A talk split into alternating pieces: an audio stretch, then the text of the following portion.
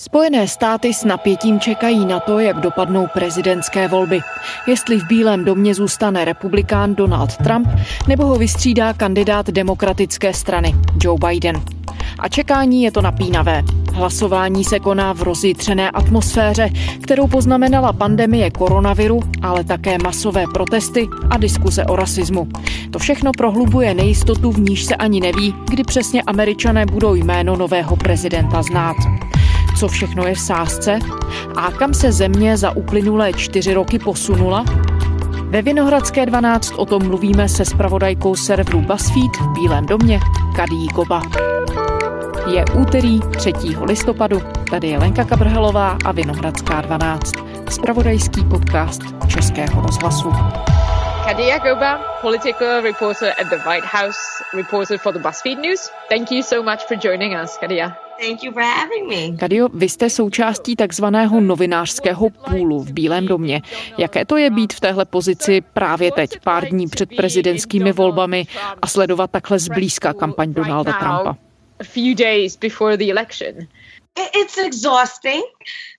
Není dost dobře možné schrnout, co všechno jsem dělala za posledních zhruba 8 dní. Cestovala jsem ze Severní Karolíny do Pensylvánie a Michiganu a pak zase zpátky do Pensylvánie. Teď se chystám do Miami.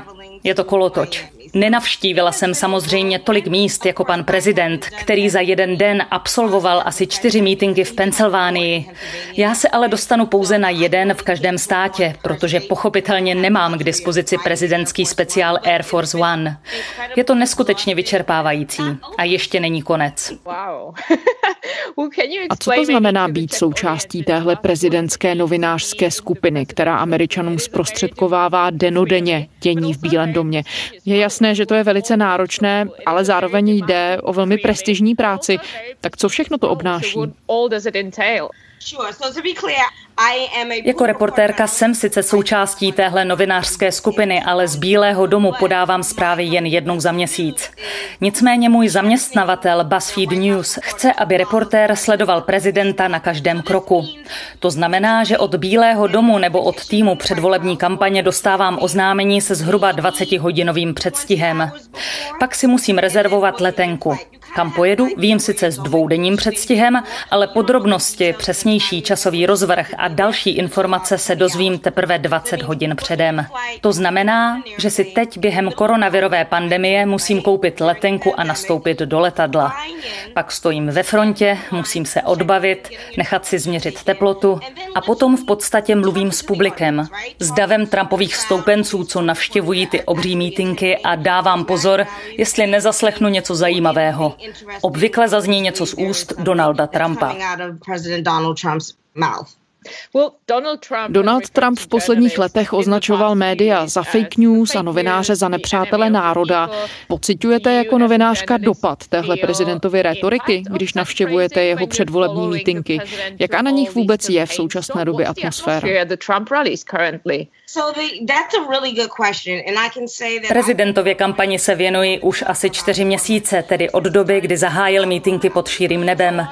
Nejprve člověk jenom viděl v televizi, jak prezident uráží tisk.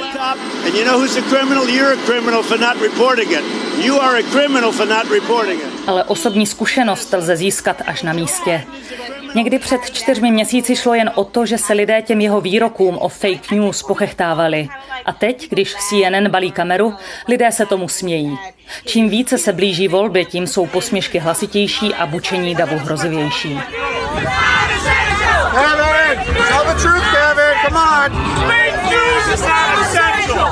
Lidé se na nás novináře otáčejí. Sedíme totiž vzadu za publikem a ukazují si na nás a bučí. Je ale zajímavé, že když s nimi mluvíme, s takovým odporem se nesetkáváme. Řekla bych, že je to proto, že si každý chce užít chvilku slávy, takže si s novináři ochotně promluví. Nicméně právě se mi stalo, že mě jedna paní odstrčila, zrovna když jsem dělala rozhovor s její kamarádkou a řekla mi, že to už stačí. Takže ano, mám za to, že prezident Spojených států takovéhle útoky na novináře zapříčinil.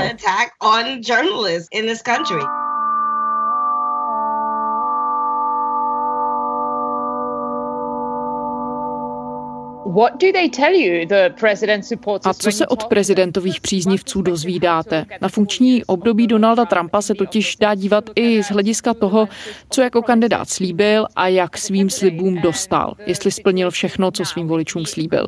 V České republice se skrze americká média zdá, že prezidentovi příznivci se domnívají, že co se týče právě plnění slibů, odvedl Donald Trump celkem dobrou práci. Co tedy lidé v tomhle ohledu říkají vám? Čeho si nejvíc cení?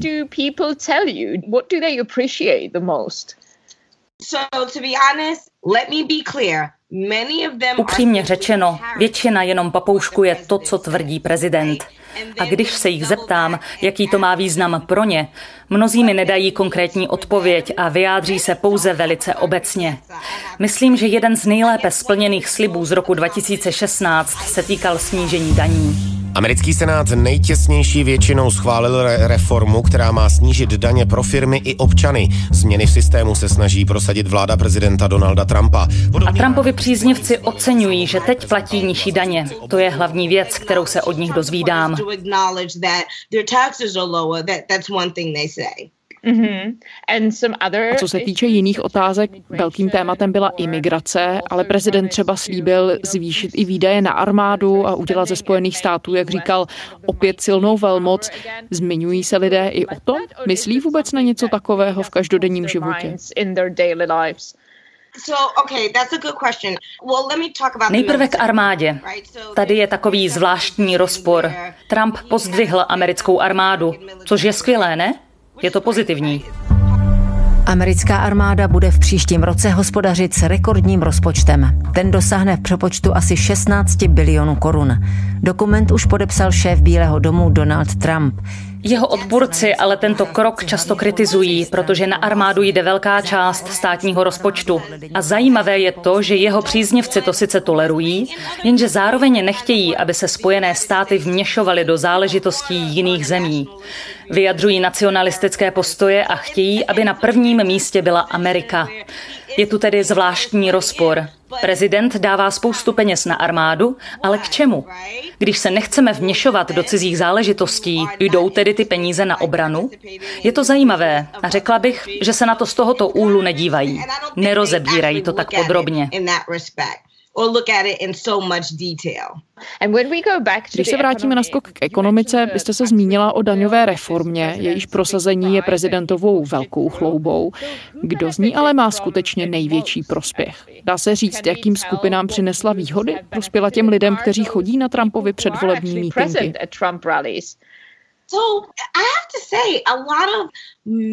Na jeho mítinky chodí hodně příslušníků střední třídy. Ano, tito lidé, přesněji vyšší střední třída, mají určité daňové úlevy. Ale magnáti, kteří z tohoto zákona mají největší prospěch, se žádných mítinků samozřejmě neúčastní. Myslím, že pracující se zajímají o své důchodové spoření, ale související daňové zvýhodnění moc nechápou. Ekonomice se daří díky tomu, co dokázala minulá vláda a co Trump vlastně zdědil. Často se tvrdí, že Donald Trump si získal bílé Američany bez univerzitního vzdělání. Těmto lidem z toho ale žádné výhody neplynou a prezidentův záměr vytvořit nová pracovní místa moc nevyšel. A ještě jedna věc nevyšla. O té se během jeho kampaně nemluví a nezmiňují se o ní ani jeho příznivci. Nemají povědomí o různých spletitostech. Mám na mysli budování zdi na hranici s Mexikem. Spousta lidí si neuvědomuje, že nová zeď zatím měří jen asi 15 mil. Zbytek je jen spevněný. A přitom ti samí příznivci na mítincích skandují Postavte zeď. Build that wall. Build that wall. Build that wall. Build that wall. Přitom je to neúspěch. Je to v podstatě neúspěšná strategie. Tenhle slib prezident nedodržel.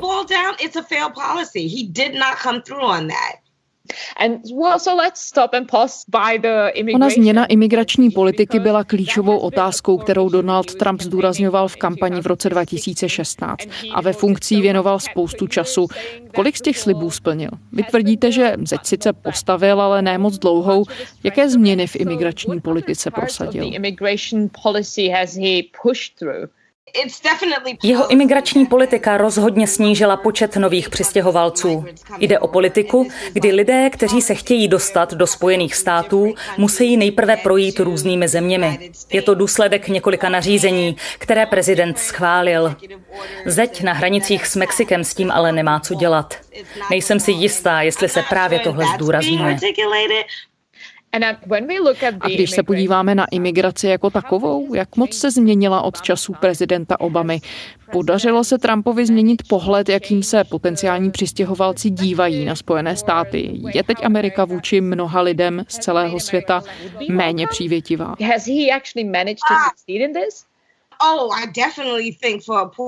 v části země určitě vládne nacionalismus. A navíc to někdy vypadá, jako by ani ti, kteří do Ameriky přišli, nechtěli umožnit ostatním, aby požívali ty též výhody. Sami totiž říkají, že tímhle si před 20 lety také museli projít a museli se s tím nějak srovnat. Přitom se jim ale tenkrát dostalo podpory ze strany vlády. To jsou ale titíž lidé, kteří tvrdí, že země, odkud imigranti přicházejí, by se měli dát do pořádku a je jejich obyvatelé by měli zůstat doma. A pak jsou tu ty části Ameriky, na které nejvíce dopadly změny v průmyslu. Jedná se například o ocelárny v Pensylvánii a změny související s tím, jak se svět odklání od fosilních paliv, od frakování a tak dále. Mezi těmito lidmi, kteří tvoří část Trumpových příznivců, vládnou protiimigrantské nálady. Takže zatímco dříve jsme vzývali sochu svobody, co by symbol vítání přistěhovalců, teď je to jinak. Nemyslím si, že by to lidem nevadilo. A vůbec si nemyslím, že by se v současné době chtěli lidé stěhovat do Spojených států méně.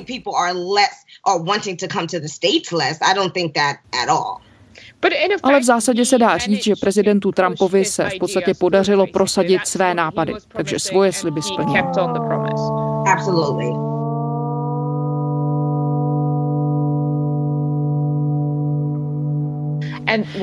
Zmínili jsme množství států, které jste během kampaně musela navštívit a jsou mezi nimi i ty na americkém středozápadě, který se týkal plán vytváření nových pracovních míst v upadajících průmyslových oblastech. Splnil Donald Trump svůj slib, že do těchto oblastí vrátí práci?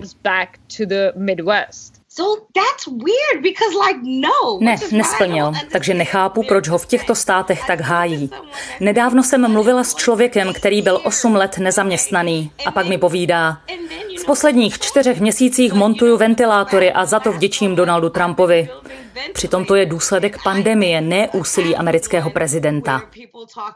V souvislosti s pandemií také často slýchám, jak lidé mluví o tom, že byli nezaměstnaní jenom pět měsíců, nebo že jenom pět měsíců museli pracovat na částečný úvazek. To je ale díky stimulačnímu balíčku, který prezident podepsal. Já jsem se v té době jako novinářka věnovala kongresu a dozvěděla jsem se, že prezident původně chtěl, aby tento balíček byl mnohem menší a více peněz prosadili demokraté ve sněmovně reprezentantů. Takže zmínění lidé ani netuší, komu mají být ve skutečnosti vděční, pokud to tak můžu říct.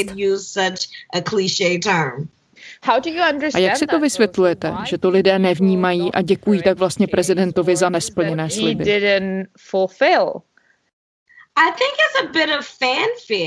Lidé nechápou systém, nevědí, jak ve skutečnosti funguje politika a vláda. Ten člověk, co mi říkal, že byl 8 let nezaměstnaný, tu a tam dělal příležitostnou práci. Ale když jsem se ho zeptala, co si myslí o tom, že prezident slíbil, že znovu postaví na nohy ocelářství a těžbu uhlí, pouze mi na to odpověděl, že už čtyři měsíce má práci díky ventilátorům.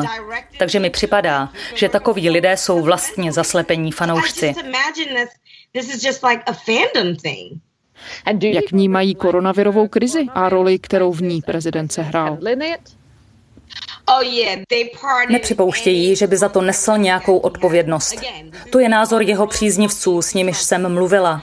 Zejména poté, co sám virus dostal, vyjádřilo možná tak 15% lidí názor, že mohl více prosazovat nošení roušek a že roušku měl nosit i on sám. Ale to pak jakoby najednou bylo vyvráceno. Americký prezident Donald Trump má jen mírné příznaky nemoci COVID-19. Informoval o tom Bílý dům. Nákaza prezidentovi údajně nějak nebrání v práci. Donald Trump má za sebou první noc v nemocnici. Včera tam odletěl vrtulníkem s příznaky nemoci COVID-19. Pozitivní test na koronavirus oznámil americký prezident v pátek ráno. Pak se jeho stav zhoršil. Lékaři mu nasadili experimentální, zatím oficiálně neschválený lék Regeneron. Americký prezident Donald Trump je zpátky v Bílém domě po hospitalizaci ve vojenské nemocnici Voltra Reeda. Strávil tam tři dny kvůli nákaze novým typem koronaviru. Prezident přece užíval zázračný koktejl, díky kterému se cítí jako Superman. A teď dokonce vypadá o 20 let mladší. Opět jde o fanouškovský přístup, nikoli o vnímání faktů. Nicméně nechci svalovat vinu pouze na Trumpovi stoupence, protože se domnívám, že tu máme celonárodní dilema, kdy lidé nechápou spletité fungování vlády ani to, jak se jich to dotýká. A nerozumějí ani tomu, jaké kroky vedou k tomu, co má dopad na jejich život.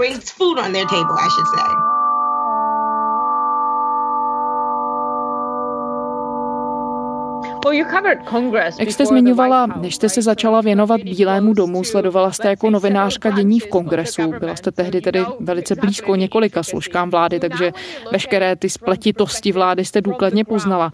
Když se teď díváte na věc perspektivou lidí, s nimiž mluvíte během cest s prezidentem do států, které ve volbách sehrají zásadní roli a rozhodnou o osudu země, co je podle vás v sázce? A která část voličů je vlastně momentálně považovaná za klíčovou? O jaké voliče teď tedy obě strany bojují. Who are the two parties fighting for? It's this weird Jedná se o malé procento nerozhodných voličů. O ty možná prezident za čtyři roky svého působení přišel, ať už vinou své rétoriky nebo některými věcmi, kterých chtěl dosáhnout. Případně následkem milných výroků o tom, že Joe Biden chce ze Spojených států udělat socialistickou zemi.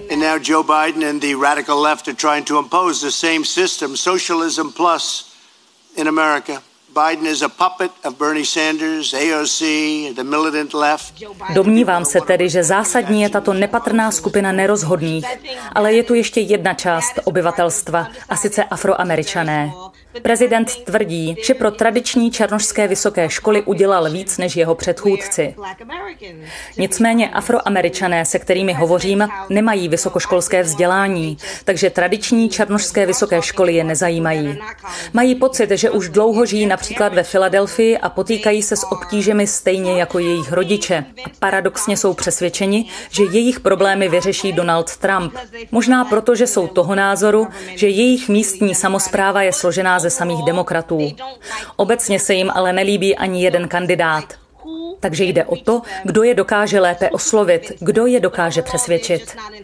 Celkově nejsou nadšení z nikoho, protože mají pocit, že systém zničil jejich komunity. Bude zajímavé, jaká bude v těchto oblastech volební účast.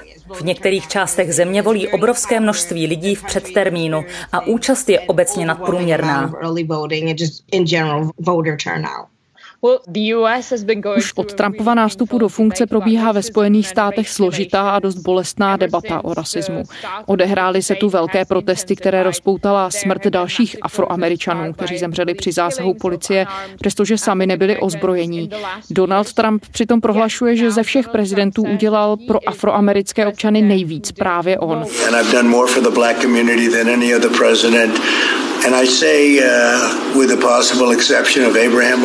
Vnímají to afroameričané stejně? Vnímají Trumpa jako prezidenta, který pro ně udělal ze všeho nejvíc? Donald Trump as the president who did for them the most? No. In short, for the most part, no. Většinou ne. A ta nepatrná část lidí, které přesvědčit dokáže, Joe Biden si ve srovnání s Hillary Clintonovou vede u černožských voličů o něco hůře. Jak už jsem řekla, tyto voliče zklamala demokratická strana a tak chtějí vyzkoušet něco nového. Někteří černoši říkají, že vědí, že Trump za nic nestojí, že je to rasista, ale na druhou stranu mají pocit, že demokraté jim za celé roky nepřinesli nic dobrého. Takže mají dojem, že každé čtyři roky se jim během prezidentských voleb jen někdo podbízí. Jde jim tedy o to, že by mohli vyzkoušet něco nového.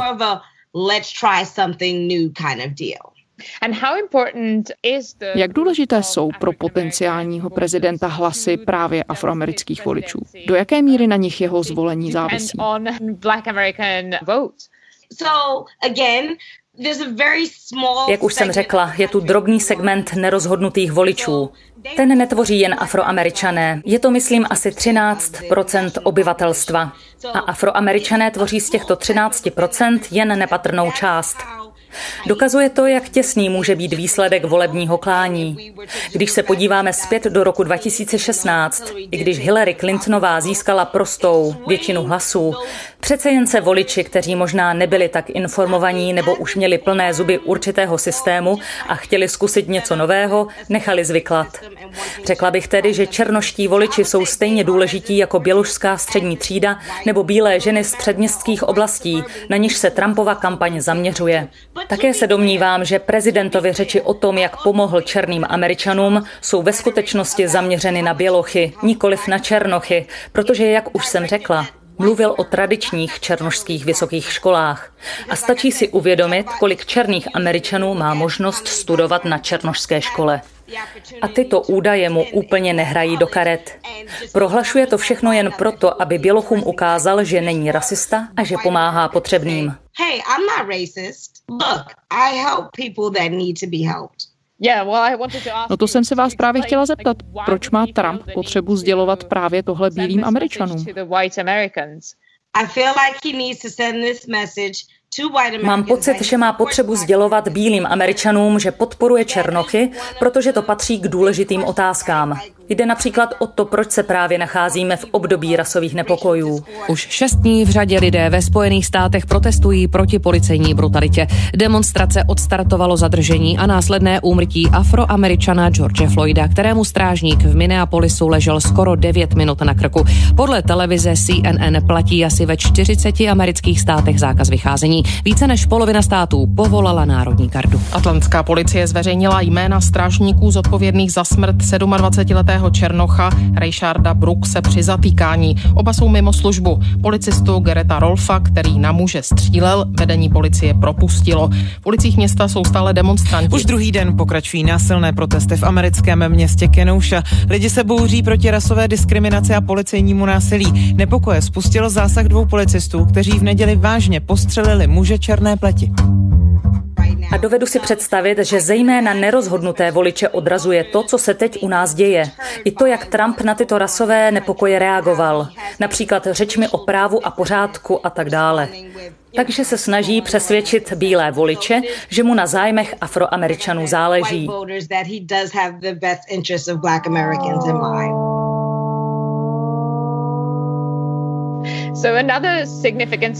Další významné sliby, s nimiž Donald Trump přišel jako kandidát, se týkaly soudnictví. Podařilo se mu jmenovat tři nové členy nejvyššího soudu. Jak významný je to úspěch z pohledu jakéhokoliv prezidenta?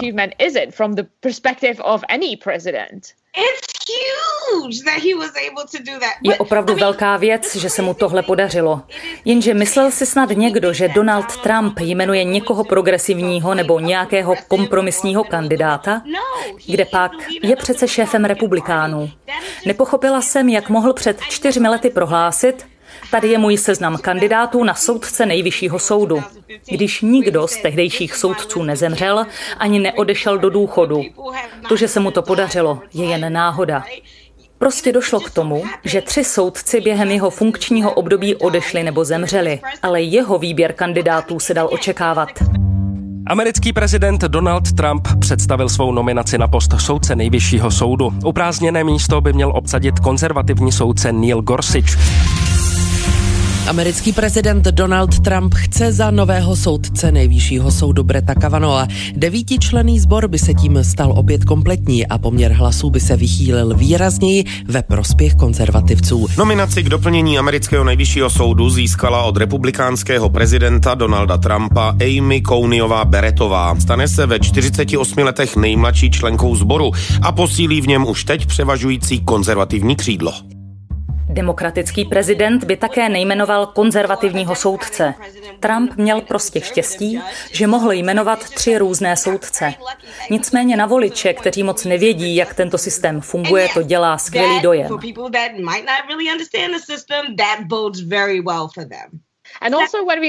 Znamená to, že situace v soudnictví je pro americké voliče tedy důležitá, že to skutečně vnímají jako zásadní, co se děje na nejvyšším soudu. Oh, je to naprosto zásadní, protože teď panují velké obavy ohledně zrušení zákona o dostupné zdravotní péči. Myslím, že to patří k hlavním věcem, o kterých bude nejvyšší soud rozhodovat. A jelikož nejvyšší soud se momentálně přiklání doprava, spousta demokratů se obává, že se Trumpovi nakonec podaří tento zákon zrušit. Také se mluví o tom, že by mohl být zrušen rozsudek ve věci Roe versus Wade, který se týká práva na interrupci.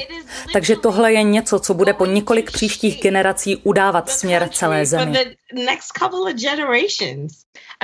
A dá se to tedy z pohledu Trumpových příznivců, ale vlastně i kohokoliv dalšího, jednoznačně považovat za jeho úspěch ve funkci. Pokud bychom dělali součet splněných slibů, tak tohle je jedno z témat, kde prezident zabudoval. Ano, lidé to vnímají jako splněný slib. A opět ho to posiluje jako kandidáta, kterého budou volit.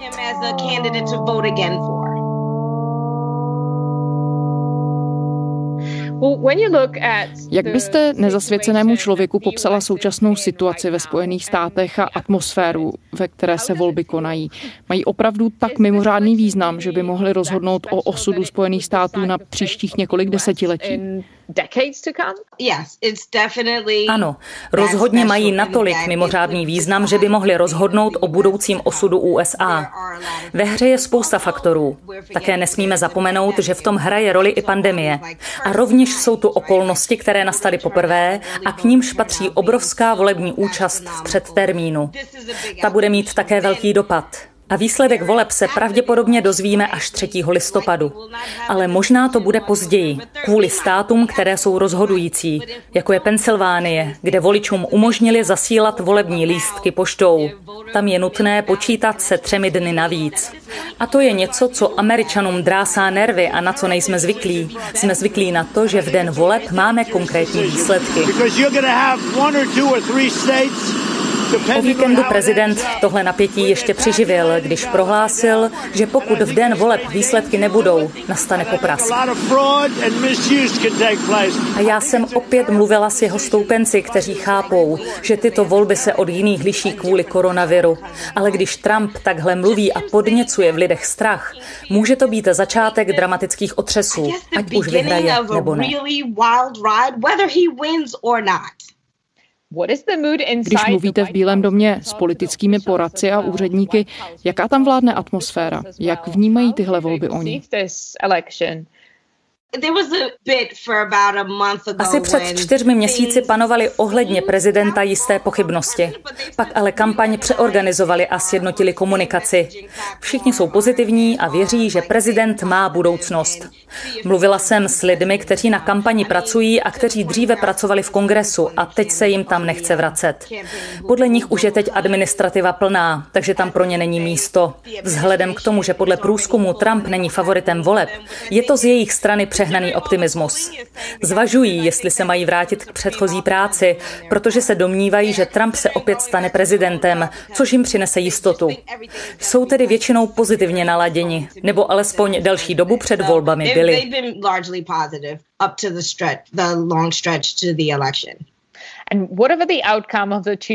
Ať už úterní volby dopadnou jakkoliv, dokážeme už teď říct, jak se do historie zapíše Trumpovo funkční období. Já chápu, že je obtížné hodnotit teď, když jsme uprostřed všech těch událostí, ale dá se aspoň říct, jakým směrem se Spojené státy v uplynulých čtyřech letech Donalda Trumpa vydali? Barack Obama ve svém projevu v roce 2008 hovořil o jednotě. We are and always will be the United States of America. Donald Trump mluví hlavně o tom, že na prvním místě je Amerika. From this day forward, a new vision will govern our land. From this day forward, it's going to be only America first. America first. Jenže jsme zemí přistěhovalců a takový postoj, tedy lidi, pravděpodobně rozděluje. Nevím, jestli si to prezident uvědomuje. Nicméně je to problém. Naše země má totiž spoustu různých stránek. Jak už jsem řekla, kdysi jsme imigraci podporovali, takže je nesmysl tvrdit, že někdo je opravdovým američanem a někdo zase ne. Takový názor naši zem, kde dlouho platilo, že sem lidé mohou přijet a vydělávat si na živobytí, poněkud rozděluje. Řekla bych tedy, že jsme o něco nacionalističtější a více si uvědomujeme rozdíly mezi rasami. A po několika měsících protestů proti systémovému rasismu budeme podle mě trochu víc orientovaní na právo a pořádek.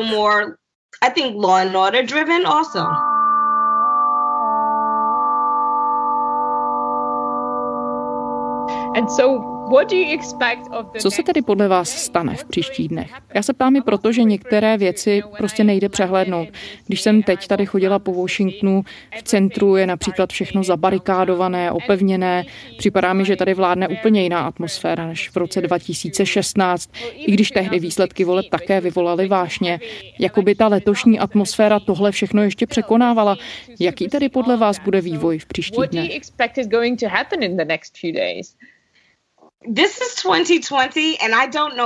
Máme rok 2020 a já netuším, co můžeme čekat. Ale můžu říct, že všichni se připravují na nejhorší. Například někdy před dvěma týdny jsem se dozvěděla, že jeden z našich největších obchodních řetězců rozeslal zprávu, že svoje obchodní domy zabední. A jako reportérka vím, že máme personál speciálně vyčleněný pro novinářskou práci během nepokojů a chaosu v den voleb. A co se týče ryze osobní zkušenosti, před dvěma dny mi psal šéf-redaktor a ptal se, jestli mám u sebe vybavení pro případ nepokojů, tedy ochranné brýle, respirátor a helmu. Budu se totiž vracet do Washingtonu, takže to by mohlo svědčit o tom, co se očekává. Myslíte, že je to realistické, že by na protesty mohlo dojít? Určitě. Nedávno jsem dělala reportáž z několika protestů a v některých případech došlo k výtržnostem. Sama sice doufám, že nic takového nenastane, ale možné to jistě je. A také je rok 2020, takže možné je opravdu všechno. Jsem mírně optimistická. Jak říkám, doufám, že si ničím takovým nebudeme muset projít. Můžu vám ale jen říct, na co se lidé připravují. Kadia Goba, politická reportérka a zpravodajka serveru BuzzFeed News v Bílém domě. Děkujeme za rozhovor. A to je z úterní Vinohradské 12 vše.